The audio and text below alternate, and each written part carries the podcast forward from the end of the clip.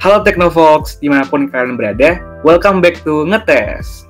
Ngobrol teh bareng Kompas. Nah, udah lama banget nggak sih, Van? Ngetes nggak ngeluarin episode-episode terbarunya. Nah iya, bener banget tuh Al, kangen banget gak sih pastinya? Iya, nih, mau sekarang gimana nih kabarnya? Semoga baik-baik aja ya. Jangan lupa tetap menerapkan protokol kesehatan dan tetap menjaga kesehatan.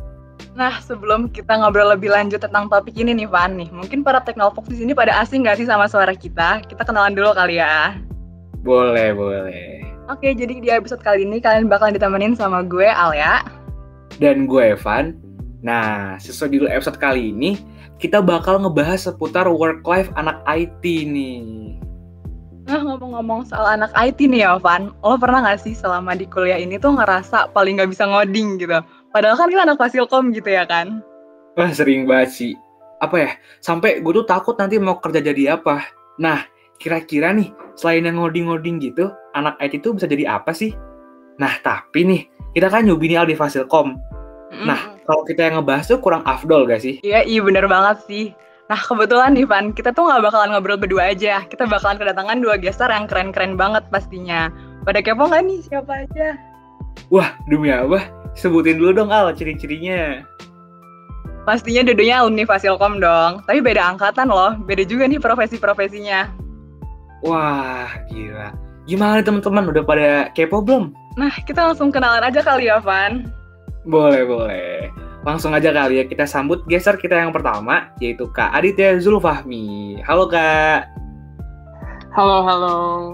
Adi, keren banget. Apa kabar nih kak? Kabar ya? Iya, baik, baik, baik. Thank you ya udah invite gue buat ngobrol bareng di sini. Kita sharing-sharing, kita ngobrol-ngobrol nih. Gue juga pengen tahu gimana sekarang kondisi Fasilkom terbarunya sama kalian yang jiwanya masih muda dan masih banyak main-main ke kampus kali.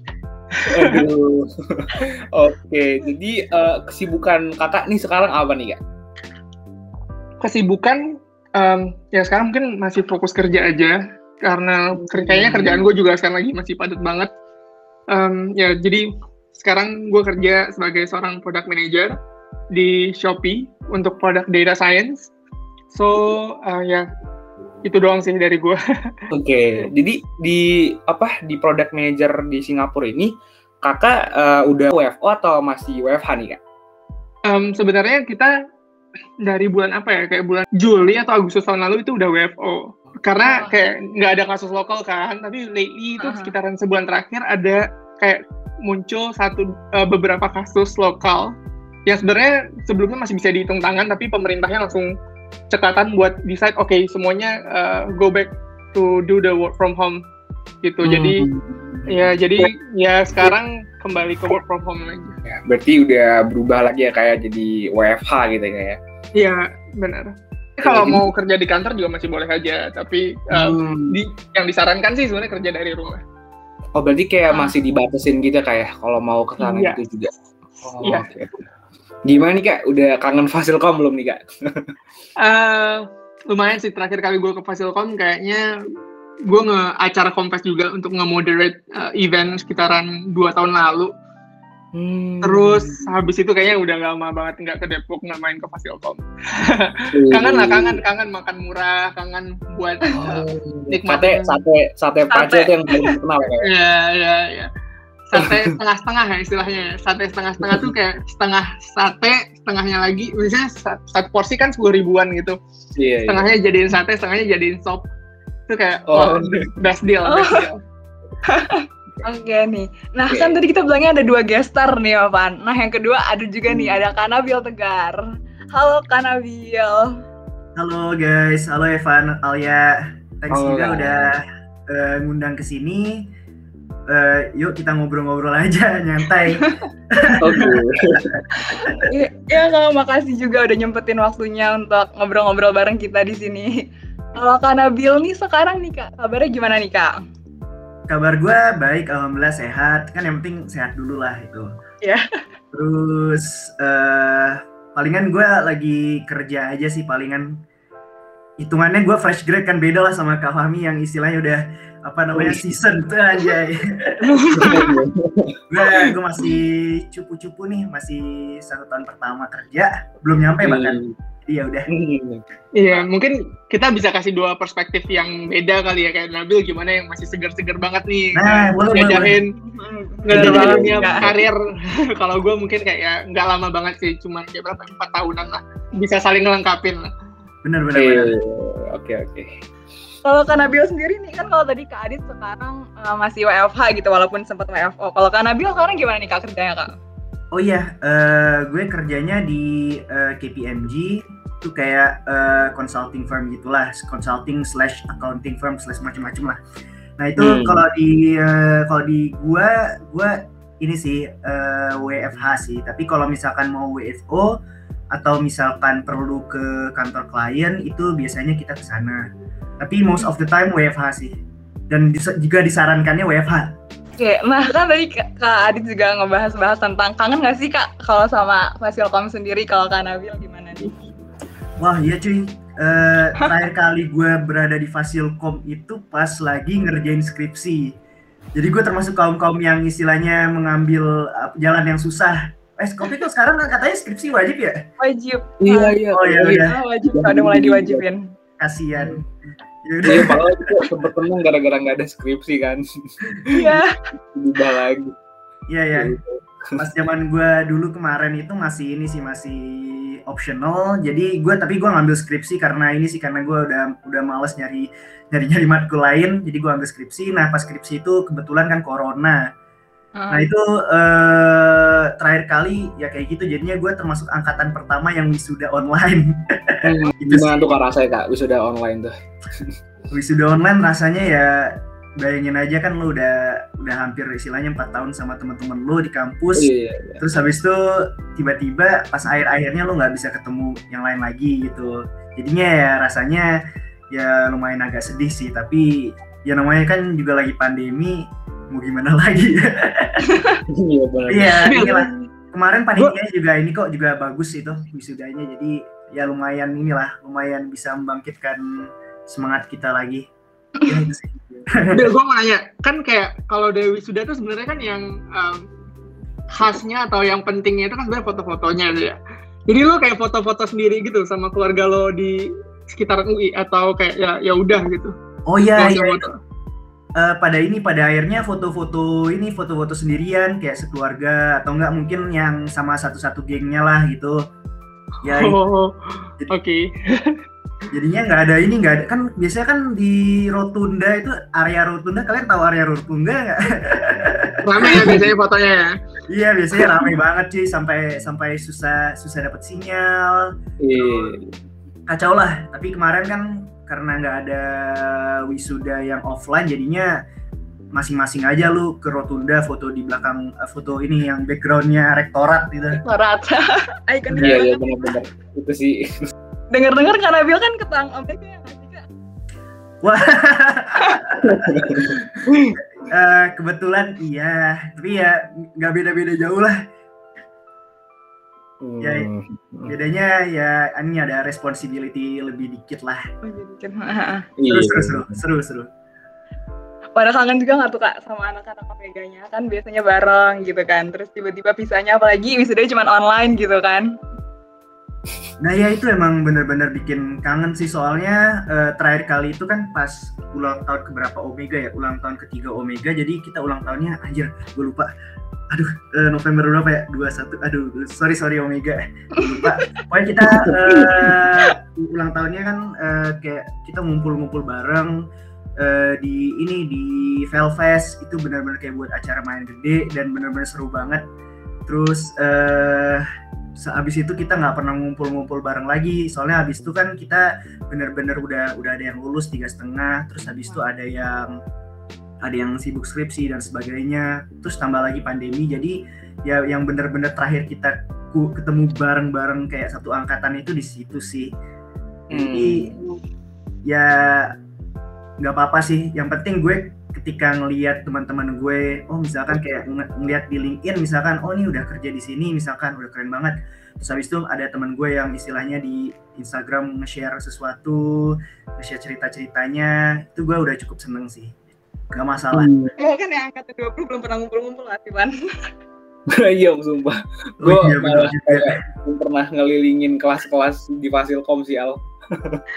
Ya bahkan gue belum pernah sih menginjakan kaki di iya. Sana Apalagi justru lebih lama lagi kan 2012 tuh udah terakhir kali ngumpul sama teman-temannya kapan? Iya, uh, abis lulus sebenarnya ada ada ngumpul-ngumpul lagi terus sebelum pandemi eh sekitar pandemi juga ada tapi itu lebih kayak ngumpul online jadi via call ada hmm. ngadain kayak acara lelang-lelang barang untuk uh, bapak ibu yang di kantin jadi kan kemarin oh, ya, dalam kondisi pandemi kan mereka kayak income-nya limited Means like ya nggak hmm. bisa buka kantin. Kalau buka juga yang datang bakal dikit banget. Jadi kemarin kita lumayan ngadain acara lelang dan kumpul dana gitu biar bisa at least berkontribusi ngebantuin mereka untuk survive di kondisi kayak gini. Keren sih, keren sih. Ya. Mungkin angkatan lain juga bisa niru kali ya. Maksudnya niru ambil yang positif baiknya uh, yeah. untuk kayak ngadain galang dana atau apa pun buat uh, bapak ibu kantin yang lumayan ke impact karena kondisi kayak gini. Gitu. Jadi, keren keren. Nah, jadi itu guys, kita udah kenalan-kenalan nih sama Kak Adit sama Kak Nabil. Nah, pasti kalian pada nggak sabar kan, pengen kepo-kepoin lebih lanjut tentang topik ini. Nah, sebenarnya kita punya banyak banget sih Kak pertanyaan seputar topik ini gitu kan. Tapi karena rata-rata mendengar ngetes by Confess ini kan sebagian besar mungkin mahasiswa gitu kan. Di mana kita tuh sekarang mungkin fokusnya lebih ke internship gitu-gitu kan. Nyari pengalaman intern karena itu juga penting gitu. Nah, boleh dong Kak diceritain pengalaman Kakak dari mulai intern gitu, terus bisa mungkin bisa ngasih tips and triknya juga gimana caranya biar bisa keterima intern. Mungkin dari jawab Kak Nabil dulu kali ya, yang baru-baru lulus gini kan, masih baru-baru selesai intern juga kemarin-kemarin. boleh, boleh, boleh. Gue selama kuliah kemarin ini sih berarti ada total tiga kali internship lah di tiga perusahaan berbeda Nah yang pertama kali itu gue internship di Stoko nama itu kayak startup uh, di bidang uh, food and beverage gitu yang ngurus pokoknya intinya ngurusin supply chain dan segala macamnya. Jadi gue internshipnya lebih ke arah kayak marketing gitu sih nama hmm. nama apa sih. Jadi kayak apa namanya uh, dan itu gue internship pas uh, liburan. Oh liburan ini liburan uh, tahun pertama gue kuliah. Jadi oh jadi kebetulan banget waktu itu teman-teman gue yang Toki nih kan yang Toki pinter-pinter jago-jago kan iya iya ya pasti banget Oh ya, for konteks mungkin buat yang pendengar, Toki itu tim Olimpiade Komputer Indonesia. Nah, ini biasanya kayak di Fasukom tuh ibaratnya dewa-dewanya lah itu. Sebelumnya mereka sempat direkrut sama ini, sama CTO dari startup bernama Stoko ini tadi. Jadi ini baru baru dapat uh, baru baru awal dibentuk baru dapat suntikan dana singkat gue terus pada hire hire lah buat uh, engineeringnya.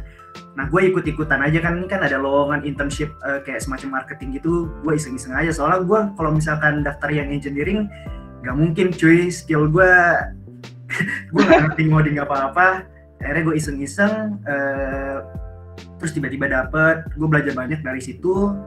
Nah itu internship pertama, internship kedua gue pas KP itu di Advotik semacam kayak uh, dia jualan software as a service gitu buat uh, supply chain juga gitu. Di situ gue pernah intern sebagai product management intern. Nah itu baru mulai agak berhubungan sama tech. Tapi gue nggak mau jadi engineer soalnya gue emang cupu itunya ngodingnya. Jadi nggak apa-apa product management kan istilah di dalam pikiran gue lebih generalis kan. Jadi nggak masalah. Hmm, hmm, hmm, Terus dan yang terakhir kali itu gue intern di Gojek sebagai BI analis, eh, business intelligence analyst. Itu business intelligence analyst itu basically data analis sih itu. Dan dan itu itu gue ngambil role beda lagi ke arah data. Tapi kan kalau misalkan data di data analis itu kan ngodingnya masih inilah masih bisa diterima oleh otak gitu. Gue pakai SQL, pakai uh, metode-metode lain gitu yang istilahnya gue masih bisa diterima di otak gue lah sebenarnya susah juga susah juga kalau misalkan udah yang sophisticated itu metode-metodenya juga susah juga tapi kebetulan gue dapet uh, alhamdulillah terus uh, ya udah gue lanjut aja itu sih gue tiga tiga internshipnya itu selama gue kuliah Oh berarti tadi kan kakak nyebutin yang pertama kali intern tuh pas liburan tahun pertama kuliah banget tuh kak? Oh iya ya bener bener. Nah itu kan kita berarti masih minim pengalaman gitu nggak sih kak kalau misalkan kayak baru tahun pertama gitu? Itu gimana tuh kak cara kakak biar uh, semacam tips and trick gitu deh biar kita juga kan ini pas banget nih aku juga sama Evan lagi tahun pertama mungkin bisa nyoba hmm. juga gitu. Nah sebenarnya kalau misalkan enaknya sekarang itu di zaman sekarang gue nggak tahu sih kalau misalkan di zamannya kak uh, kak Fahmi dulu gimana. Tapi kalau misalkan pas di zaman gue kuliah itu kebetulan emang lagi pas banget gitu startup startup lagi pada booming terus juga perusahaan-perusahaan tech lah gitu pada booming dan mereka biasanya butuh butuh tenaga lebih banyak gitu. Dan buat tenaga yang lebih banyak biasanya ngambilnya juga dari intern gitu kan. Juga hmm. pertama lebih murah dan kedua lebih ini lebih bisa bisa sekalian buat marketing uh, dari company company itu sendiri bisa ngasih kayak review bagus lah buat company-nya. Nah uh, enaknya sekarang ada banyak sih opportunity kayak gitu. Jadinya uh, mungkin kalau misalkan dari gue pribadi sarannya uh, kalau misalkan kalian ngelihat ada suatu lowongan gitu entah lewat LinkedIn atau lewat uh, Instagram atau lewat mana atau mungkin di broadcast di grup angkatan biasanya kadang-kadang juga suka ada lowongan. Nah itu coba iseng-iseng aja daftar gitu. Sumpah iseng-iseng aja daftar. Iya. kadang-kadang kadang-kadang itu butuh at the right place and at the right time aja sih. Jadinya walaupun misalkan lu skillnya itu lu rasa masih kurang gitu tapi kalau misalkan ternyata pas lagi interview lu ternyata bagus kayak dianggapnya lu bisa belajar biasanya akan diterima sih gitu. Jadi doesn't matter lu udah tahun kedua tahun ketiga atau tahun pertama gitu daftar-daftar aja sih gitu. Jadi asal-asal ini aja asal asal berani aja itu asal nekat Yang penting kalau ada hmm. kesempatan kira-kira coba-coba aja nggak masuk-masukin lowongan gitu ya. Emang itu cuy, gue soalnya sampai itu gue uh, bener-bener melakukan teknik itu sampai gue terakhir kali di Gojek. Soalnya kayak gue terakhir kali di Gojek itu juga itu juga hasil iseng-iseng doang gitu. Tahu taunya diajak interview, gue bahkan nggak tahu apa apa ini uh, metode-metodenya dan segala macam segala macam lumayan teknikal gitu interviewnya waktu itu. Tapi ya udah gue coba ngomong seadanya aja. Eh tahu-tahu ternyata diterima. Tapi kayaknya itu karena ini sih karena uh, melihat tugas gue sih. Jadi kan biasanya kan ada lu kayak dikasih tugas gitu terus lu disuruh ngerjain dalam kurun waktu berapa hari. Hmm. itu sih. Sumpah seri lu lu yang penting punya CV aja dulu punya CV punya LinkedIn terus udah lu tinggal sebar aja kalau misalnya lu lu lihat ada lowongan yang kira-kira menarik gitu oke okay. mungkin okay, kalau misalkan kalau dari Kak Adit gimana nih Kak pengalaman internship ya udah dari beda zaman nih ya Kak Iya. zaman zaman gue sebenarnya startup udah banyak sih tapi um, kayaknya waktu itu gue lebih tertarik main-main ke corporate. Jadi awal pertama kali gue internship itu sebenarnya kayak ya sama sih sekitaran di liburan semester kedua ketiga kalau nggak salah itu um, gue jadi software engineer exactly sebagai iOS engineer untuk suatu software software house kecil gitu sih di Jakarta bikin sistem point of sales. Nah, habis itu baru magang KP di semester berapa sih magang KP semester 6 ke 7 ya kalau nggak salah. Nah, itu gue hmm. jadi analis di Accenture. Oh, keren sih. Nah, terus uh, habis dia jadi analis di Accenture di semester 8 kalau nggak salah. 8 itu gua jadi analis juga tapi di Bank Mandiri. Waktu itu hmm. ngulik-ngulik sistem CRM-nya mereka kalau nggak salah. Nah dan habis setelah lulus kan gue ada kayak ada program gitu ke Korea. Nah program itu include sama magang-magang di beberapa perusahaan di Korea sana Nah, salah satunya Netmarble Games. Mungkin um, kalian dulu terkenal uh, Let's Get Rich gitu. Jangan gue sih uh, Get Rich yeah. kan. Itu kan by Netmarble Games dan uh, gue intern juga di sana sebentar. Posisinya QA analyst. Jadi ya, ada yang beragam banget corporate, non corporate, terus um, IT, non IT. Jadi semuanya gue sempat ngerasain sih. Gitu. Kalau ngomongin tips ya, kalau nggak tahu uh, perspektif gue ada banyak cara banget buat lo outstanding. Pertama kan lo, lo mau ditarik sama perusahaan-perusahaan ini untuk ngebantuin mereka. First of all, you need to be outstanding, right? Nah, mungkin kayak, ya pertama, lo belajar yang benar dulu deh, gitu. Kalau misalnya lo sadar, kayak, oh gue nggak bisa jadi uh, top 10 highest GPA, misalnya gitu. Um, kalau gitu mungkin gue bisa tambah pengalaman gue dengan organisasi gitu kalau udah di organisasi juga mungkin pengen going extra miles lo juga bisa ikuti lomba-lomba gitu. Nah dari masing-masing pengalaman ini kan kayak udah buat lo nge-build profile yang outstanding. Mungkin juga kayak jadi um, Nabil gitu misalnya yang pengen uh, jadi ketua angkatan untuk nutupin uh, aspek organisasinya dia gitu. Setelah pokoknya udah nge-build profile make yourself outstanding dan the next thing ya lo uh, nyari magangan itu gitu. Bener-bener tadi kata Nabil siapin CV terus doing research uh, lo lihat dulu apa sih yang sebenarnya lagi banyak dibutuhin di masyarakat di pasaran saat ini gitu. Itu kan dari segi lo ngelihat uh, demandnya. Misalnya sekarang yang banyak uh, di, uh, dicari uh, software engineer. Terus ya mm-hmm. itu lo tertarik nggak dulu buat itu gitu. Kalau lo tertarik lihat lagi job desk dan requirement-nya. Nah, kalau udah ada job desk dan requirement-nya, kalau lo udah prepare, kenapa enggak lo cobain gitu. Banyak dari teman-teman kita yang sebenarnya minder karena kayak, oh teman-teman gue banyak nih yang dari Toki ataupun banyak banget yang lebih jago dari gue. Mereka, mereka aja nggak magang gitu, kenapa? Apa emangnya ada ya yang mau uh, nge-hire gue buat magang gitu? Ya rezeki itu masing-masing orang punya sih, jadi kayak ya selagi lo mau nyoba, mau berusaha, kenapa enggak gitu gue bukan orang yang kayak lulus dengan IP 10 IP tertinggi gitu kan. Tapi kayak karena gue pengen berusaha pengen nyobain ya ada aja jalannya gitu. So prepare hmm. yourself lah belajar belajar hal-hal yang dibutuhin di dunia kerja nanti. Gitu sih dari oh. gue oke tadi kan kakak udah ngomong nih kak. Kayak kakak pernah intern di game Marble apa yang lain Let's Get Rich itu itu kayak ke Korea, Korea. gitu kan? Iya iya di Korea. Nah itu tuh uh, ada syarat TOEFL atau gimana gitu nggak kak? Buat nanti gitu. Kalau mau ke sono gitu kan mungkin. Um, biasanya kalau program-program uh, internasional gitu biasanya pasti ada sih syarat TOEFL. Uh, basicnya kayak ya kalau paper base 550 ataupun uh, IELTS dan uh, uh, IBT aku nggak tahu sih sekarang berapa. Tapi aku ingat banget dulu tuh untuk paper base test itu sekitar 550 itu untuk aku bisa join programnya biasanya. Kalian juga kalau exchange di UI pasti gitu kan ada syarat-syaratnya. So ya iya sempatin aja mungkin kayak sebulan prepare buat tahu-tahu tipe soalnya terus coba iseng-iseng ngambil. Gampang kok kalau beneran uh, niat. Nah niatnya itu yang susah sebenarnya kan. Kayak oh bener, bener. antara apakah enakan main PS4 atau PS5 di rumah atau uh, in, mau intern nih gitu apa yeah. enaknya main PUBG atau Mobile Legend atau intern nih gitu kan ya enakan yang main dong gitu. Yes. Apa juga sih main juga.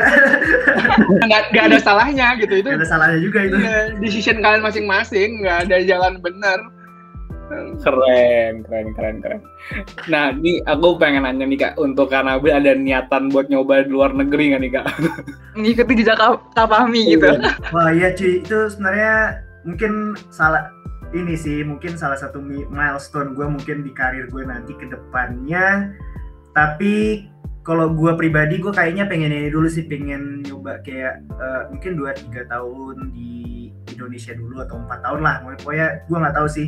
Tapi kalau misalkan emang ada kesempatan buat nanti bekerja di luar negeri gue akan ini sih yang sangat tertarik. Tapi gue belum belum melakukan preparationnya itu. Itu yang jadi masalahnya. Ntar sih palingan teman-teman gue juga ini sih juga banyak sih yang apa namanya yang uh, lulus fresh grade juga langsung kerja di luar negeri itu. Kemarin uh, uh, di Singapura itu ada berapa teman gue ya? Ada di Shopee ada hmm. banyak lah. Dan dan itu emang ini emang ini sih bisa lu bisa persiapan dari sekarang bahkan. Kalau misalkan mau mau kerja di luar negeri.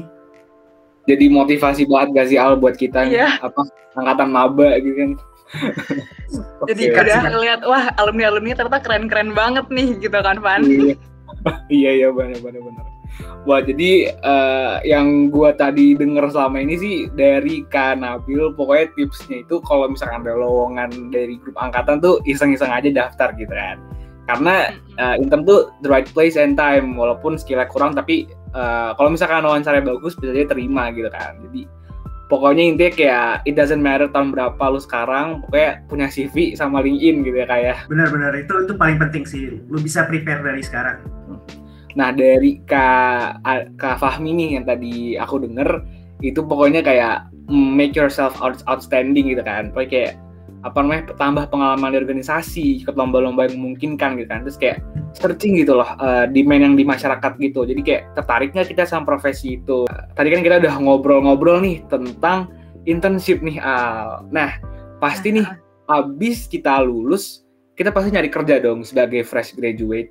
Nah kita mau tahu dong kak uh, gimana sih perjuangan kakak-kakak cari kerja saat masih di fresh graduate?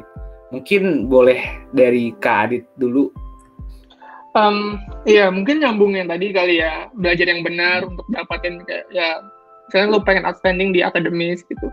Kalau enggak ya hmm. ya tadi tetap lanjut ke nambahin ke organisasi ataupun lomba. Dan um, tambahannya kalau bedanya fresh graduate sama uh, sama masih nyari intern itu ya mungkin fresh graduate lo bis, udah bisa punya pengalaman-pengalaman magang tadi gitu ya buat uh, tambah perspektif lo juga ngasih lo exposure ke dunia pekerjaan dan juga mastiin nih bahwa role itu bener-bener yang kalian mau, bener-bener yang kalian pengenin.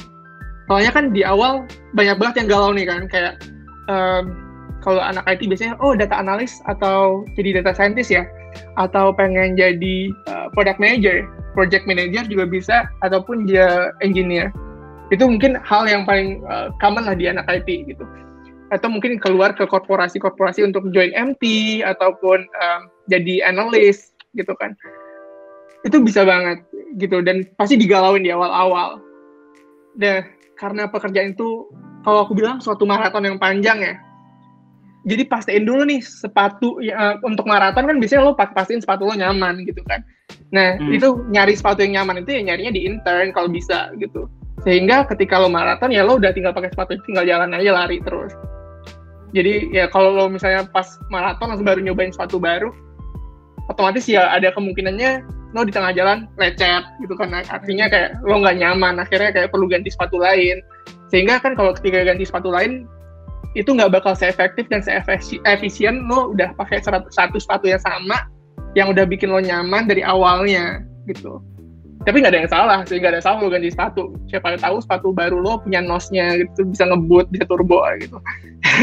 Ya intinya pastiin dulu uh, manfaatin juga pengalaman magang itu untuk dapat exposure, nambah pengalaman sehingga ketika interview nanti ketika pas uh, pas interview pas fresh graduate lu udah punya banyak background untuk jawab-jawab pertanyaan dan lu udah tahu juga tipikal pertanyaan untuk role tersebut tuh biasanya gimana gitu.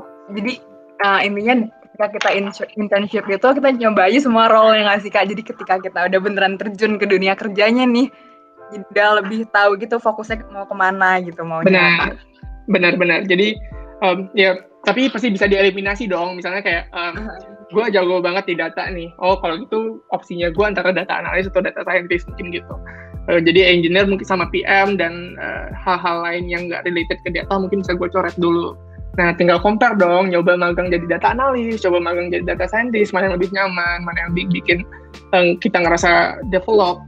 Nah di situ mungkin bisa uh, terus difokusin gitu Terus kalau Kak Nabil gimana nih Kak? Ini kan pengalaman pertama Kakak kita baru lulus langsung milih menjadi risk consultant ya Kak ya? Oh iya benar. benar benar. Udah dikepoin ya linkin gue. Udah dong. Tinggal ntar di connect. Oke oke. Iya ya benar benar. Oh iya, mungkin kalau misalkan pengalaman gue nyari kerja, ini sih kayak biasa, mungkin dari awalnya kan gue udah lulus sidang skripsi, jadi kayak sidang skripsi itu gue bulan apa ya Agustus atau Juni Juli? Ya pokoknya sekitaran pertengahan tahun lah. Pertengahan tahun gue singkat gue udah mulai apply apply itu bulan Maret singkat gue. Maret 2020 nah bulan Maret 2020 itu gue udah mulai apply apply. Teman-teman gue juga udah apply apply juga tanggal-tanggal segitulah kisaran segitu. Ya udah jadinya gue list aja itu kira-kira company-company mana aja yang gue pengen daftarin. Nah waktu itu emang list gue ini sih gue kalau misalkan nggak ke arah consulting gue ke ke product management. Pokoknya pilihannya antara dua itu. Soalnya gue gue bingung juga gitu mau gimana. Jadinya gue kayak consulting gue semuanya gue daftarin. Kayak mulai dari yang Big Four, PwC, Deloitte, KPMG dan segala macamnya, Accenture, terus habis itu bahkan yang kayak yang top top firm gitu manajemen consulting kayak McKinsey sama BCG gue daftarin aja. Gue nggak tahu itu kan udah udah di udah diapain sama mereka.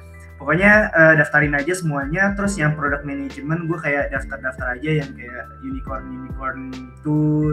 Terus habis itu beberapa startup startup yang gue rasa kayak wah ini kelihatannya keren nih. Apa namanya founder foundernya terus juga dari background background uh, apa namanya karyawan karyawannya istilahnya menjanjikan terus bisnisnya juga menjanjikan juga itu gue juga daftar. Gue ya semuanya gue daftarin eh, jadi dari kurun waktu sekitar Maret sampai gue baru dapat tuh sekitar Oktober. Nah pokoknya itu gue kerjanya interview terus gagal. Terus habis itu hmm. tes tes sesuatu gagal banyak sih jadi eh, banyak kegagalan. Gue kayak ada daftar sekitar berapa ya? 16 19 19 perusahaan itu sebenarnya hitungannya termasuk dikit sih karena gue lumayan kayak nge-restrict posisi dan apa namanya perusahaannya lumayan gue pilih-pilih gitu. Terus kayak sekitar 7 reject gue ya pak gitu. Jadi uh, emang biasanya yang susah itu ketika kita mencari pekerjaan itu ekspektasi kita itu terlalu tinggi sih itu. Itu yang gue rasain. Jadi gue rasa kayak uh, oh nih pengalaman gue kayaknya udah lumayan cukup lah buat outstanding gitu. Terus tapi ternyata pas lagi gue interview kok apa namanya jadi malah interviewnya jadi malah jelek gitu. Gara-gara gue misalkan grogi. Terus habis itu juga kadang-kadang kan interview kan oh ya bukan kadang-kadang lagi sih. Hampir sekarang semua interview mungkin pakai bahasa Inggris ya gitu nah ah. Inggris gue kan suka belepotan lah maksudnya nggak nggak nggak selancar bahasa Indonesia itu juga salah satu faktor. Terus habis itu mungkin kurang preparation juga. Jadi emang dari beberapa kegagalan-kegagalan interview pada saat awal-awal itu itu gue pelajari terus. Gue coba improve ke depannya gimana segala macam segala macam. Sekalian latihan juga terus uh, pada suatu hari tiba-tiba gue ini dapat uh, dapat kabar lah dari uh, pihak KPMG kalau misalkan gue terima gue ditawarin karena emang pada saat pandemi juga kan waktu itu jadi ya udah gue gue okein aja lah sikat lah. Yeah. jadi uh, ada ini juga ada pragmatisnya juga lah. Nggak nggak gue nggak bener-bener kayak idealis harus kayak bener-bener sesuai dengan apa yang gue inginkan. Tapi uh, karena situasi saat itu juga oh ini kayaknya gue uh, ini kerjanya juga main bagus dan menarik. Terus juga uh, inilah lagi ada masa-masa pandemi juga juga gak sulit nyari kerja. Why not lah akhirnya gue sikat. Terus uh, gue dapat. Udah sih palingan perjuangannya itu sih cerita gue selama mencari pekerjaan. Iya sih kak, kayak apalagi kakak waktu lulus tuh lagi awal-awal pandemi gitu ya kan ya. Iya benar. Justru banyak yang kena PHK, jadi kalau ketika dapat undangan kerja juga itu jadi golden change juga gak sih kak? Bener sih, bener bener bener. Mungkin gue nambahin kali ya, uh, kalau kalau misalnya kita lihat dari uh, berbagai macam uh, apply apply ke company-company itu pasti kita bisa lihat kayak ada benang merah di interview questionsnya itu sendiri yang di mana kita bisa list lah. Kalau product management biasanya ya kita bisa lihat pasti awal-awal um, lebih ke interviewer bakal nanya kita um, gimana sih diri lo gitu dalam artian siapa lo, uh, gimana experience lo gitu. Ini mungkin hal-hal itu ya kita tinggal prepare list of things yang bisa kita explain di point itu gitu. Terus kemudian pasti bakal nanya nge-challenge di tentang data, terus uh, nanya tentang technical things dan juga uh, nanya product development gitu. Nah jadi uh, ya begitu juga dan consulting gitu pasti ada typical questions yang biasanya ditanyain. Nah, kalau kita udah tahu typical questionsnya, kita juga bisa bikin framework sendiri, bisa bikin list of questions sendiri, bisa bikin practice sendiri, sehingga nanti ketika di interview uh, lebih terstruktur, lebih santai, lebih um, terlihat profesional lah kita, ketika kita mau ngejawabnya gitu. Jadi um, ya kalau udah bisa punya list itu harusnya uh, interview bakal lebih lancar dan intinya dari suatu daftar kerja ya interview doang kan lo nggak bakal disuruh ngapa-ngapain lagi ketika lo bisa interview ataupun bisa uh, ngerjain suatu task yang mereka suruh Biasanya tasnya itu biasanya bisa uh, dibawa rumah, bisa dikerjain santai-santai ya. Kayaknya masih bisa ngebantu lo lah buat keterima gitu. Itu sih dari aku. Jadi kalau interview make the list of questions, categorize it, and uh, create your own framework for all of those kind of uh, question types. Terus ya dari situ um, harusnya dipermudah. sisanya ya minta doa dari bokap nyokap lo aja supaya lo nggak banyak banyak dosa keren keren Bener banget. Berarti itu nyambung dari yang tadi Kak Fami bilang gak sih? Kayak kita harus fokusin dulu sebenarnya kita mau ke mana. Setelah itu kita baru kita nentuin apa yang kita mau, apa yang kita Iya. pengen. Kita lebih fokus Hmm. ke situ jadi ya Kak ya. Iya, jadi jawabannya juga ya. ya. Lanjut, Bill. Oh iya loh, gue gue cuma mau bilang ini aja. Kalau misalkan eh, yang di- eh, dikasih tahu Kak Fami itu emang bener banget. Kalau misalkan interview itu emang harus di prepare gitu. iya Ya kan, iya ya? bener-bener. itu gue bela gua, gua belajar ini sih itu bela- belajar the hard way I've learned it the hard way kalau misalkan interview tuh nggak bisa lu kayak seharian kayak lu santai-santai terus habis itu besoknya langsung interview bisa bisa lancar emang harus hamin satu atau mungkin bisa dari hari sebelumnya lu ngelakuin research lo dulu terus eh, itu akan sangat ngebantu sih bener Mhm. paling Ya, ada ada platformnya juga mungkin buat teman-teman yang kayak, oh gue introvert banget nih, nggak punya teman siapa-siapa yang bisa gue ajakin practice interview. Lo bisa mungkin kayak open prime.com gitu. Di situ lo bisa uh, daftar terus lo interview sama random people yang juga lagi nyari kerjaan. Nah, sehingga lo bakal dikasih feedback dari mereka dan lo juga bisa ngasih feedback ke merekanya. Lo ngelihat gimana orang cara ngejawab suatu interview gitu. Tapi biasanya lo bakal ketemu orang India sih. Kayak orang India di mana-mana iya deh. selalu deh kalau video pelajaran juga ngasih al Iya. di YouTube ketemu orang India juga. Ya, mereka Kenapa banyak isi- sih? Iya, banyak isi mereka banyak isi industri teknologi sih. Jadi ya jadi ya harus ngebiasain ngedengerin English dengan Indian accent supaya ya terbiasa aja gitu. Bisa paham. Iya, iya, iya. bener bener bener atau enggak alternatif salah satunya lagi ini eh, lu bisa minta ke senior yang lu udah kenal udah dikerja di perusahaan itu atau atau mungkin tempat lain juga nggak apa-apa buat ini buat mock eh, mock interview gitu. Kebetulan waktu itu sebelumnya eh, gue juga dibantu sama salah satu senior gue yang udah kerja di suatu startup gitu. Jadi gue eh, istilahnya inilah interview eh, interview interviewan lah itu latihan interview sama dia. Dikasih per- eh, dikasih pertanyaan-pertanyaan yang kayaknya tipikal di perusahaan itu terus gue jawab-jawab terus kasih feedback. Jadi kalau misalkan kalian punya kenal ka- kakak tingkat yang kalian kenal eh, terus mereka juga mau ngebantuin kalian pasti ngebantuin sih pasti mau Eh, itu akan sangat membantu sih buat latihan Iya, bener cari mentor, cari mentor. cari Mentor itu ya mentor udah banyak lewatin asam garamnya lah istilahnya. Jadi kayak ya kalau lo bisa ngambil asam garamnya itu dari mentornya langsung tanpa harus ngelewatin apa yang mentor tuh lewatin which is kayak berapa tahun experiences untuk ngedapatin semua itu ya kenapa enggak? Bener, bener, bener, bener. Berarti intinya kita uh, latih interview dengan cari mentor gitu kayak kita kayak persiapkan gitu kayak. Oke oke. Mhm. Kita Boleh, minta boleh. bantuan nih kalau mau belajar interview dari kakak-kakaknya.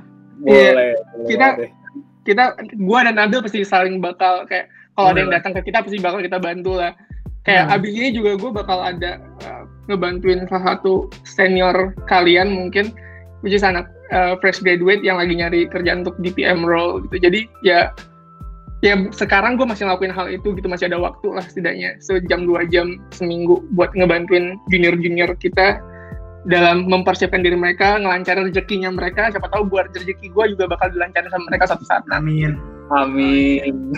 Keren banget. Ya, jangan malu-malu aja langsung tanya aja itu mah Oke oke. Oke.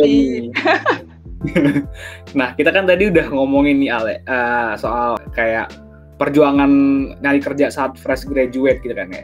Nah eh, kalau gajinya seorang fresh graduate tuh gimana nih kak? Ya pendengar pada kepo nih kak. Nah mungkin boleh dari wah ini gimana Iya. ini topiknya iya makanya. Jadi mungkin boleh dari Kak Nabil dulu nih. eh gaji ya ke gaji fresh graduate ya Bener kan? Yang gue tahu sebenarnya lebih ke arah ini sih mungkin anak IT kali ya yang yang istilahnya lulusan lulusan IT Boleh boleh. gue kalau misalkan mau ngasih range eh, safe to say average-nya mungkin ini sih di kisaran 6 sampai 9 ya. Itu buat yang menengah, buat yang menengah tuh 6 sampai 9 kayak rata-rata segitulah.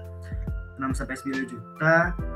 Mungkin yang a- kalau yang atas-atas 10 sampai 15 itu udah itu udah udah udah lu udah hoki banget udah udah hebat banget lah. Dapat dapat ini dapat mungkin tempat-tempat yang misalkan uh, perusahaan-perusahaan yang barusan dapat pendanaan atau mungkin yang biasanya yang unicorn unicorn sekarang juga lumayan ini ngasih gaji-gaji engineer yang Mhm, mantap tuh. Itu uh, itu yang yang atas. Kalau ada juga yang outlier lu kerja di luar langsung eh, di misalkan di Singapura atau misalkan tempat-tempat lain atau mungkin di di dalam negeri pun juga bisa itu bisa bisa bisa lebih dari 20 juta bahkan itu. Wow. jadi emang range-nya buat lulusan IT ini sih eh, lumayan ini ya lumayan eh, luas gitu.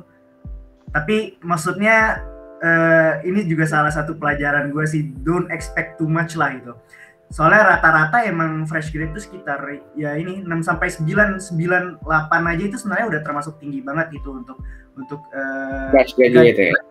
itu udah 89 itu udah udah gaji udah udah udah ini udah kayak alhamdulillah banget lah Iya. itu sih Itu. Kalau dari Albert gimana nih kak?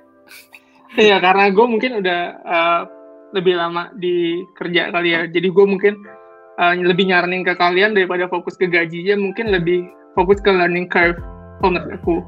Jadi kalau pastiin dulu job description-nya itu adalah position yang bikin lo bakal belajar banyak.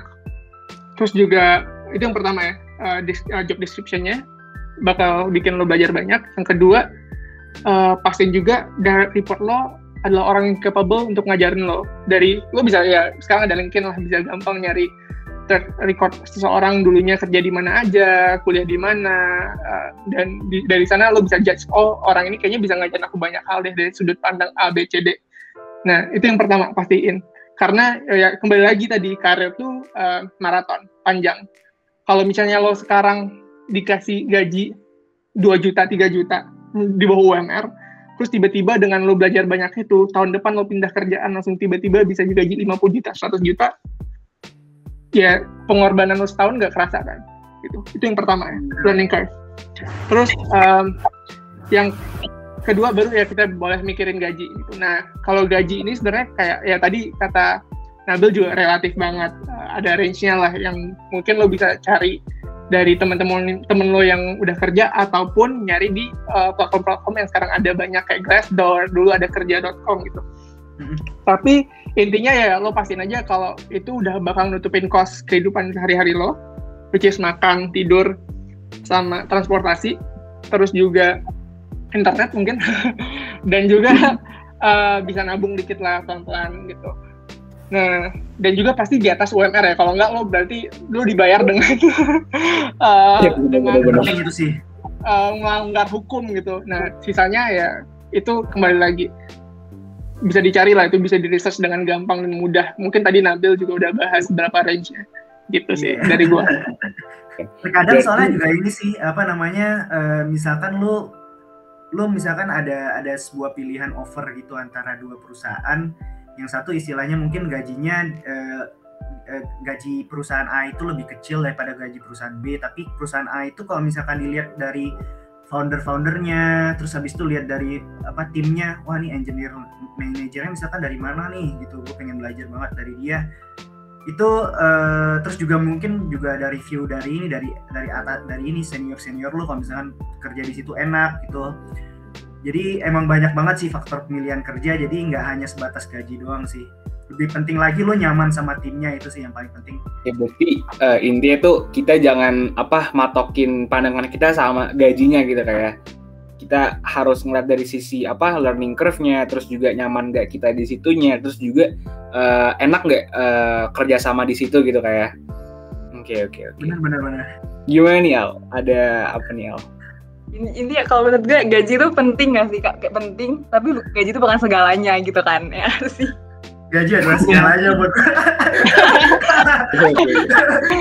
deep inside deep, deep inside gue aduh, aduh gue insecure ya ya tapi eh, tapi eh, ini sih emang eh, ya gaji itu penting tapi it's not ga- ga- lu punya ga- gaji gede tapi kalau misalkan lu eh, well being lu hancur lu nggak punya apa namanya nggak punya mental health nggak punya nggak punya uh, kayak satisfaction terhadap pekerjaan lo itu juga sama aja sih ngapain lo namanya killing yourself gitu itu sih paling Oh iya, satu lagi ya mau mau gue bawa ke sini kayak hati-hati sama uh, ada perusahaan-perusahaan yang um, ngejual misi sosial mereka lah. Sebenarnya mereka juga nggak benar-benar misi sosial banget, mereka juga pengen cari uang gitu. Tapi dengan misalnya oh kita dengan gabung sama kita kita bakal bisa mengubah dunia mengubah Indonesia jadi lebih baik mem mem memberdayakan UMKM gitu. Mhm. jadi dengan itu terus mereka ngasih gaji kamu oh tapi karena kita misi sosial ini kita cuma bisa gaji kamu sekian ya oh itu bullshit sih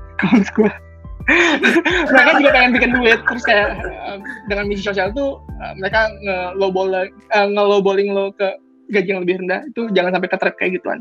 Soalnya teman gue banyak yang nyesel aja kayak Iya dulu waktu gue join ke sini gue digituin terus kayak akhirnya gue mau join karena impact sosialnya. Terus akhirnya setelah satu tahun kayaknya gue nyesel sebenarnya company ini bukan benar-benar bikin impact sosial mau bikin bisnis aja kan yang bisa jual sosial sosialan. so beware beware ada beberapa thing gitu. Oke, oke, banyak banget nih insight-nya yang baru-baru nih. Nah, kan tadi kan di awal juga kan kan Kanabil tuh jadi risk consulting ya, Kak nih. Tapi kan mungkin di sini para pendengar tuh masih kayak awam gitu sama pekerjaan ini nih. Boleh dong kak kayak cuap-cuap dikit tentang pekerjaannya nih sebagai risk consulting tuh kayak ngapain aja sih kak gitu. Oh iya, jadi uh, kalau misalkan di kalangan anak pasilkom sebenarnya pekerjaan gue nih agak jarang sih. Maksudnya agak agak berbeda. Soalnya kalau misalkan dilihat dari teman-teman gue sekarang, uh, pekerjaan itu mereka kalau nggak software engineer, kalau nggak software engineering, entah front end, back end, dan serah Android, iOS, uh, software engineer, terus uh, ke, ke data, data science, BI analyst, atau enggak ketiga pro, product management, keempat UI UX, uh, eh, UX researcher, UI designer dan segala macamnya. Pokoknya empat itulah yang lagi hot sekarang itu. Mm-hmm. Nah consulting kalau misalkan gue lihat yang dari sekarang-sekarang uh, udah agak jarang sih emang dan kebetulan pula sekarang yang uh, tempat gue sekarang ini gue kan di risk consultingnya KPMG ya itu uh, eh, gue bukan bagian IT consulting sih. Jadi consulting itu ada macam-macam lah.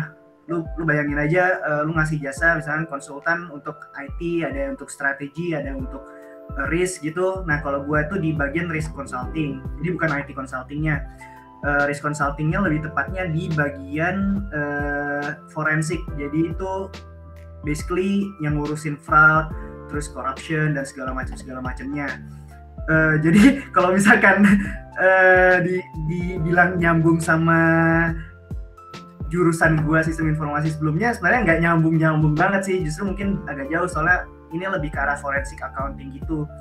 Tapi kebetulan banget uh, mereka lagi butuh uh, orang data analytics gitu. Nah kebetulan banget kan istilahnya uh, kita lulusan Fasilkom kan lumayan generalis ya skill setnya kita gitu jadi bisa bisa tentang coding bisa juga kita belajar belajar hal yang bisnis gitu. Misalkan yang SI itu atau yang ilkom ngambil matkul-matkul yang berkaitan dengan manajemen juga bisa juga. Jadi uh, itu lumayan jadi ini sih lumayan jadi uh, kayak apa namanya yang membuat nilai kita bisa agak lebih lah dibandingkan uh, mungkin yang apply apply lainnya gitu. Jadi gue jadi uh, singkat cerita gue jadi uh, di bagian forensik kayak divisi forensik eh, itu keahliannya lebih pada ini sih lebih data analytics. Tapi ada juga gue nyentuh-nyentuh ranah accounting gitu kayak forensik accounting. Gue nyari-nyari dari uh, laporan keuangan kalau misalkan ada yang aneh-aneh dan segala macam segala macamnya terus ada juga yang namanya uh, uh, digital forensik itu basically kayak lu analisis apa namanya kayak jejak digital lu buat ngetrace ini oh nih orang pernah pernah melakukan fraud apa gitu dari jejak digitalnya dia gitu. Itu sih jadi emang bener-bener uh, mungkin agak ini ya agak jarang sih kalau gue bilang di kalangan anak fasilkom itu sih. Iya sih. Soalnya dia lebih ke accountingnya juga gitu ya kak nyentuh-nyentuh akuntansi gitu. Benar-benar uh, lumayan banyak yang nyentuh aku accounting sih. Jadi tapi itu bisa dipelajari lah sambil sambil di perjalanan. Sambil jalan aja gitu ya. Yeah. walaupun sebenarnya di ASI juga kan kita belajar juga tapi yeah. nggak sedalam itu juga sih. Kayak lebih ke manajemen ya justru ya. Hmm. di SI juga belajar kan ada namanya sistem informasi akuntansi. Itu itu lumayan ini sih lumayan membantu juga sih. Makanya enak enaknya Fasilkom di situ sih. Jadi emang lo diberikan mata kuliah mata kuliah yang istilahnya uh, applicable lah ketika lo bekerja nanti gitu itu kalau dari gue gue penasaran kak. Yeah. Fahmi. Nah iya boleh nih langsung nih kakak Fahmi nih. Kan kakak nih product manager gitu ya kan kak. Terus kan biasanya kalau product manager tuh lebih ke anak SI gitu nggak sih kak? Dari sistem informasi gitu? Uh, iya, um, kembali lagi ya ke product manager itu range-nya gede luas banget. Ada product manager yang um, bisa dibilang uh, lumayan ke arah bisnisnya gitu. Ada product manager yang lebih ke arah teknikalnya gitu. Ya macam-macam banget lah variasinya gitu. Ada juga yang product manager yang lebih ke arah desainnya.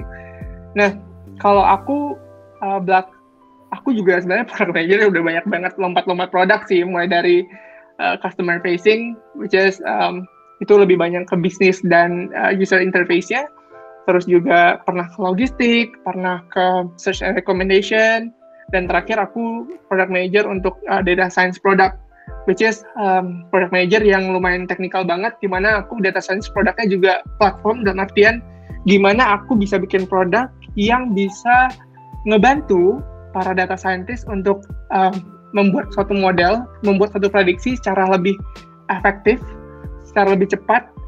Um, ya jadi lumayan teknikal banget yang sekarang product manager yang aku pegang sih. Jadi uh, kenapa aku milih ini sebenarnya karena um, kalau dilihat dari supply and demand ya, product manager ini kompetisinya lumayan berat. Dalam artian um, gini dalam satu tim itu biasanya ada satu product manager, ada beberapa engineer, ada beberapa QA, ada beberapa uh, designer. Berarti kebutuhan untuk uh, product manager nggak sebanyak role-role lain, ya kan? Itu yang pertama. Ya. Terus dari eh, itu dari segi demand ya, dari segi supply-nya sendiri uh, untuk jadi engineer biasanya itu ya pasti dong mostly dari anak-anak computer science dari anak-anak teknik informatika sementara untuk uh, product manager itu dari semua uh, jurusan STEM itu biasanya bisa ngambil jadi uh, jadi product manager gitu kamu misalnya lulusan uh, teknik lingkungan atau uh, bahkan dulu salah satu direct reportku pernah lulusan dari uh, teknik kimia gitu dan dia sangat capable untuk melakukan role-nya sebagai seorang product manager. Aku belajar banyak banget dari dia dan jadi ya wajar dong kompetisi di product manager lebih tinggi sehingga aku butuh membuat diriku jadi sedikit beda. Sedikit beda karena backgroundku udah lumayan kuat di bidang engineering sebelumnya gitu. Jadi ya aku ngarahin ke product manager di produk-produk yang lebih berat di engineering side-nya gitu. Ya jadi intinya aku adalah product manager yang megang satu produk fokus ke uh, supporting data scientist dan itu biasanya produk-produk yang gue pegang itu um, sangat teknikal gitu. Di mana aku perlu belajar Kubernetes, aku perlu belajar beberapa tipe data storage mulai dari uh, Redis, uh, ClickHouse dan lain-lain yang, yang kayak bahasanya kayak oh shit what is this? aku sih belajar banyak dari awal ketika aku join timnya. Jadi kayak ya udah gitu. Ini mungkin additional uh, value yang bisa aku kasih ke diriku sebagai seorang product manager dibandingkan product manager product manager lainnya gitu. So be different. So if there's a need on this differentiate, then uh, your price will be expensive. benar-benar keren banget, keren banget. eh, PM data science, PM data kayaknya emang masih agak jarang sekarang ya. Tapi gue lihat beberapa company udah mulai kan? Iya, iya, iya ya jadi oh, kayak ya. keren. terus gila sih keren banget. Intinya ya kalau kalau ngomong kerjaan itu sebenarnya lo pengen jual diri aja jual diri lo sebagai seorang talent gitu. Kayak ya nyebut kasarnya lo jual diri dan kalau lo jual satu barang ya semakin unik semakin mahal kan? Keren banget sih. Keren banget sih. Aduh. gue gue sampai bingung ah kayak wow sewau itu. Berarti PM tuh bisa ganti-ganti gitu ya kak oleh kayak dari apa dari teknikal sampai kayak bisnis kayak gitu-gitu keren sih bervariasi gitu ya Al ya Ro, iya ya, banyak spektrumnya luas itu banyak ya kak ya hmm, spektrumnya luas tiap perusahaan juga beda-beda juga sih. Iya.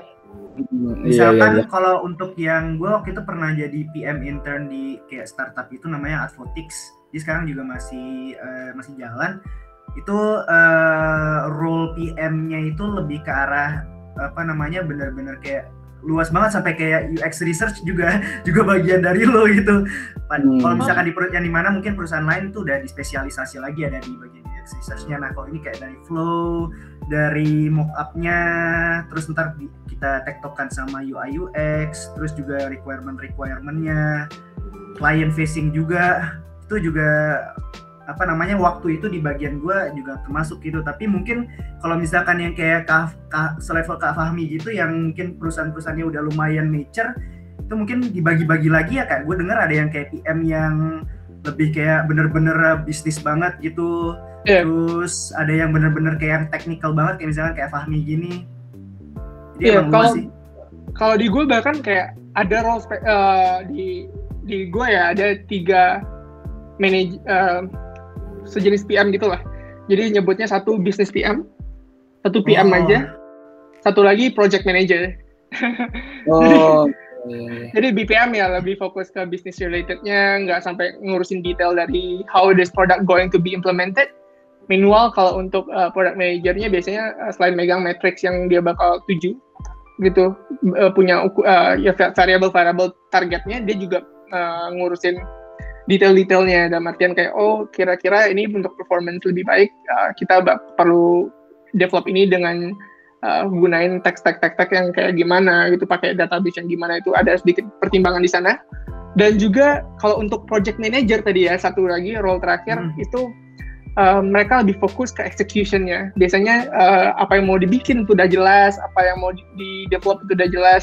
Tinggal gimana mereka ngatur kayak oh karena ini perlu kelar di akhir bulan depan misalnya so di uh, di bulan ini kita perlu kelarin ABC terus di pertengahan bulan depannya lagi kita perlu ngelarin uh, perlu ngelarin EFG gitu misalnya gitu gitu jadi ya ya lebih ke ke ya priority human resource terus juga uh, load kerjaan lah ya Hmm. Gitu. Keren, keren. Iya, iya, iya. Variasi banget. Keren, keren, keren. Oke nih, eh, tadi kan kita udah ngebahas tentang kayak apa kayak pekerjaan dari Kak Adit sama Kak, Nabil. Kak Nabil. Nah, sekarang nih, apa nih Al selanjutnya? Uh, mungkin kita bisa bahas selain di pekerjaan Kak Nabil sama Kak Fahmi yang kan tadi kan kalau Kak Nabil jadi konsultan, konsultan gitu, kalau misalkan Kak Adit jadi PM. Kalau misalkan selain itu nih Kak, kira-kira tuh anak IT tuh bisa di bagian apalagi sih Kak kerjanya, prospek kerjanya gitu. Mungkin yang selain yang ngoding-ngoding kali ya, kalau ngoding-ngoding kan mungkin kan kayak udah pasti banget kayak SE gitu. gitu. Kalau misalkan selain di luar ngoding tuh Kak, kira-kira apa? Mm-mm. ya silakan Kak Fahmi Ya, silakan. ini, ini sebenarnya ya um, ya lo kayak lo mau jadi CS juga bisa sih kayak ngebahas bah- ngebahas balas kerjaan uh, reply uh, chatan orang-orang gitu juga bisa aja Ter- tapi kan kayak sekarang lo sebagai anak IT yang udah terlanjur belajar IT walaupun lo nggak suka ngoding tapi lo udah dapat banyak exposure untuk bagaimana dunia IT itu gimana infrastrukturnya secara garis besar. Menurut gue kalau mau dapatin nilai unik yang tadi gue bilang supaya harga lo lebih mahal so tetap jaga value lo sebagai anak IT yang paham sedikit akan teknologi lebih, sedikit lebih banyak ya maksudnya dibandingkan yang lain dan uh, manfaatkan itu di role-role apa pun yang masih ada kaitannya dengan itu gitu. Kalau enggak ya lo sama aja kayak lulusan sastra lulusan fisip gitu. Nggak ada bedanya. Kalau lo nggak ada bedanya ya kenapa kenapa lo masih bahas lo sebagai seorang anak IT gitu. Ya lo bahas aja kerjaan lo secara general gitu. Kalau lo nggak bisa bawa nilai unik ya gitu Hmm. itu sih kalau dari gue anak sastra, anak fisip aja sekarang udah pada belajar-belajar ini, belajar-belajar data, belajar-belajar Iya. UI UX. Jadi emang ini sih Iya, iya. emang emang istilahnya eh, role di bidang IT itu benar-benar lagi hot banget sekarang. Nah kita sebagai yang lulusan IT sebenarnya bisa ke mana aja sih sebenarnya mau mau di bagian mana pun mau entah di engineering atau mungkin bagian bisnis sekalipun di bagian marketing segala macam segala macamnya Eh, itu HR juga bisa juga. Tapi emang sekarang kan istilahnya semua hal itu berkaitan dengan teknologi ya. Jadi uh, harusnya sih lo bisa dapat value bisa ngasih value di bagian-bagian itu sih yang istilahnya berkaitan dengan teknologi tersebut. Contohnya misalkan lo jadi HR lo lo, lo bisa ini nih human resource nih. Tapi lo jadi human resource di bagian buat role-role IT misalkan role engineer kan misalkan HR biasa non lulusan IT kan mereka kan misalkan kurang ngerti lah terkait dengan uh, technical requirements-nya seperti apa dan segala macam segala macamnya lo lebih ngerti arah sana. Marketing misalkan uh, lo lo ngerti nih tentang uh, eh, SEO search engine optimization gitu.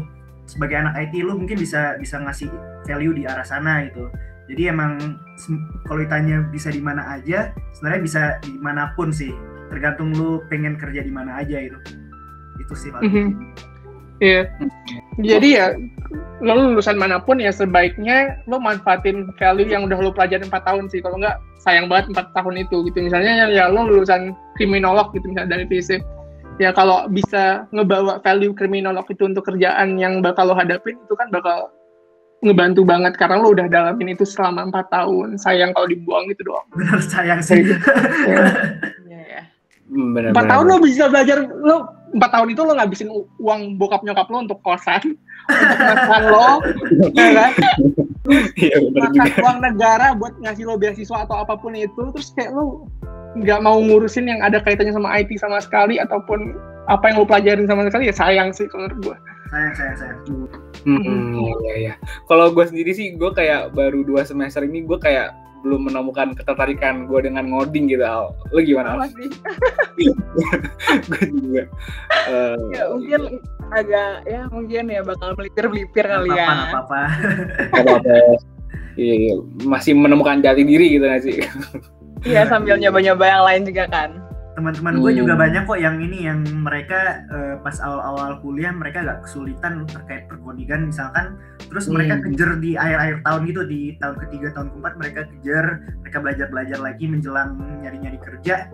Terus mereka udah banyak yang jadi software engineer dan segala macam segala macamnya. Jadi ya mungkin suatu saat lo mungkin akan menemukan ini sih kira-kira arah yang lo mau itu seperti apa. Nggak usah sekarang juga nggak apa-apa kok nyantai aja. Masih, masih ada waktu lah ya lumayan. Benar benar benar. Nah ini nih kak uh, ada pertanyaan terakhir nih Aleh uh, sebelum menutup tes ini. Jadi kan tadi uh, kita udah nanya-nanya soal pekerjaan kakak yang dari risk consulting terus juga kak Fahmi yaitu uh, product manager gitu kan. Uh, nah kita mau nanya nih kak uh, siapa tahu nih dari para pendengar dan dari kita juga nih ada yang mau menerusi uh, jejak kakak-kakak ini gitu kan ya. Nah, uh, gimana sih kak syarat masuk dan tahap-tahap gitu loh kak uh, buat masuk tempat kerjanya kakak gitu kan? Mungkin boleh dari kak Fahmi dulu mungkin nih. Oke, okay, um, kalau di aku kan di Shopee untuk um, posisinya juga sekarang aku dialokasiin di uh, HQ which is di Singapura. Jadi pasti at least komunikasi di dalam bahasa Inggris gitu terus juga uh, selain itu untuk uh, ya untuk di Shopee biasanya selain bahasa Inggris ya at least lo bisa jawab interview-interview doang harusnya udah udah lulus sih. Terus juga kalau selain interview-interview itu kalau di kalau nggak salah kalau di Indonesia um, aku juga nggak tahu ya correct me if I'm wrong uh, kalau kalian juga kerja di Shopee dan di Indo ada beberapa kayak uh, sejenis psikotes gitu untuk mengukur um, gimana kalian familiar sama angka ataupun gimana logika berpikir kalian. Nah, itu harusnya selagi kalian punya otak kalian bisa jawab. dan kalau dan kalau ya, otaknya ya, ya sejenis sejenis jimat gitu benar. Dan uh, ya tinggal diasah aja di practice aja gitu. Um, sisanya udah sih ya intinya sisanya lebih kembali ke untuk masing-masing role tersebut gitu. Role engineering of course you need to know like how to code like, and then learn how how's the system architecture secara uh, garis besar gitu. Sementara untuk uh, PM tentu aja kayak how, how you can manage the product dan um, ya masing-masing kembali ke role-nya tersebut gitu. Dan yeah. yang utama tentu karena kalian bakal kerja dengan orang dengan berbagai background dari beberapa negara bahasa Inggris sekarang penting banget sih Hmm. hmm, hmm. Oke, Ini dari Kak Fahmi udah nih. Nah, kalau Kak Nabil gimana nih Kak? Dari gue eh, mungkin sama-sama juga sih mirip kayak Kak Fahmi gitu juga. Jadi yang paling pertama itu justru sebenarnya sekarang komunikasi sih. Jujur eh, kalau misalkan lu mungkin punya technical skills yang istilahnya biasa aja tapi komunikasi lu super duper bagus in English terutama sih itu menurut gua poin plus banget sih itu. Lu bisa istilah ngomong secara ngomong bahasa Inggris dan nulis juga secara lancar. Itu kalau misalkan di KPMG gue kemarin butuh banget sih soalnya kita juga uh, kerjasama sama KPMG Singapura sama KPMG Global juga jadi uh, written report segala macam itu juga dalam bahasa Inggris gitu. Itu pertama. Uh, kedua uh, lo bisa ngerjain uh, tes-tesnya. Yang menurut gue itu ya sesuai uh, posisi yang lo apply. Jadi kalau misalkan kebetulan kemarin gue tesnya ada terkait data analytics gitu, jadi lo perlu belajar technical dikit lah kayak SQL segala macam segala macam itu uh, itu kedua technical skillsnya lo perlu lumayan highlight sih seberapa jauh kemampuan lo terus um, ketiga lo coba stack up CV lo sih. Jadi entah itu dengan cara lo internship di berbagai tempat itu menurut gua kayak internship lo dua kali internship aja itu menurut gua udah udah kayak poin poin plus banget cuy hmm. kayak kelihatan wah nih ini anak udah punya pengalaman gitu. Itu kayak at least lu screening CV lu bisa lewat lah itu terus atau enggak kalau enggak internship pun lu kerjain lomba atau lu atau lu stick up portofolio lu misalkan yang UI UX lu uh, nambahin portofolio desain lu yang pengen ke arah desain atau enggak kalau misalkan yang engineering lu GitHub lu lu inilah apa namanya lu kasih lihat project-project lu yang menarik-menarik itu menurut gue juga sangat penting itu sih palingan yang istilahnya perlu dipersiapkan ketika mau apply posisi-posisi lain. Oke oke. Sebenarnya nggak jauh beda jadinya ya Pan ya. Intinya tuh yang penting tuh uh, awalnya komunikasi gitu kan. Maksudnya dalam bahasa Inggris kalau zaman sekarang. Terus juga interview dan sisanya itu tergantung kita role kita mau ke mana gitu ya kak ya. Betul. Ah, keren banget sih. Gimana nih Al? Ya sih gak kerasa banget sekarang udah hampir sejam kayak ada sejam lebih bahkan ya kita ngobrol-ngobrol iya. sama Kak sama Kak Fahmi sama Kak Nabil juga. Udah banyak iya, banget sih yang kita omongin gitu kan. Ini yeah. dan ini insightful banget sih aku juga banyak belajar dari obrol kita siang yeah. hari ini. Walaupun dari podcast gitu ya Ale. Iya, jadi banget. Semoga teman-teman yang ngedengerin juga nantinya mm, bisa ngambil manfaatnya dari podcast ini. Oke. Okay. Amin amin amin. Jadi uh, sebelum menyudahi nih kita mau bilang makasih, makasih banyak. banget.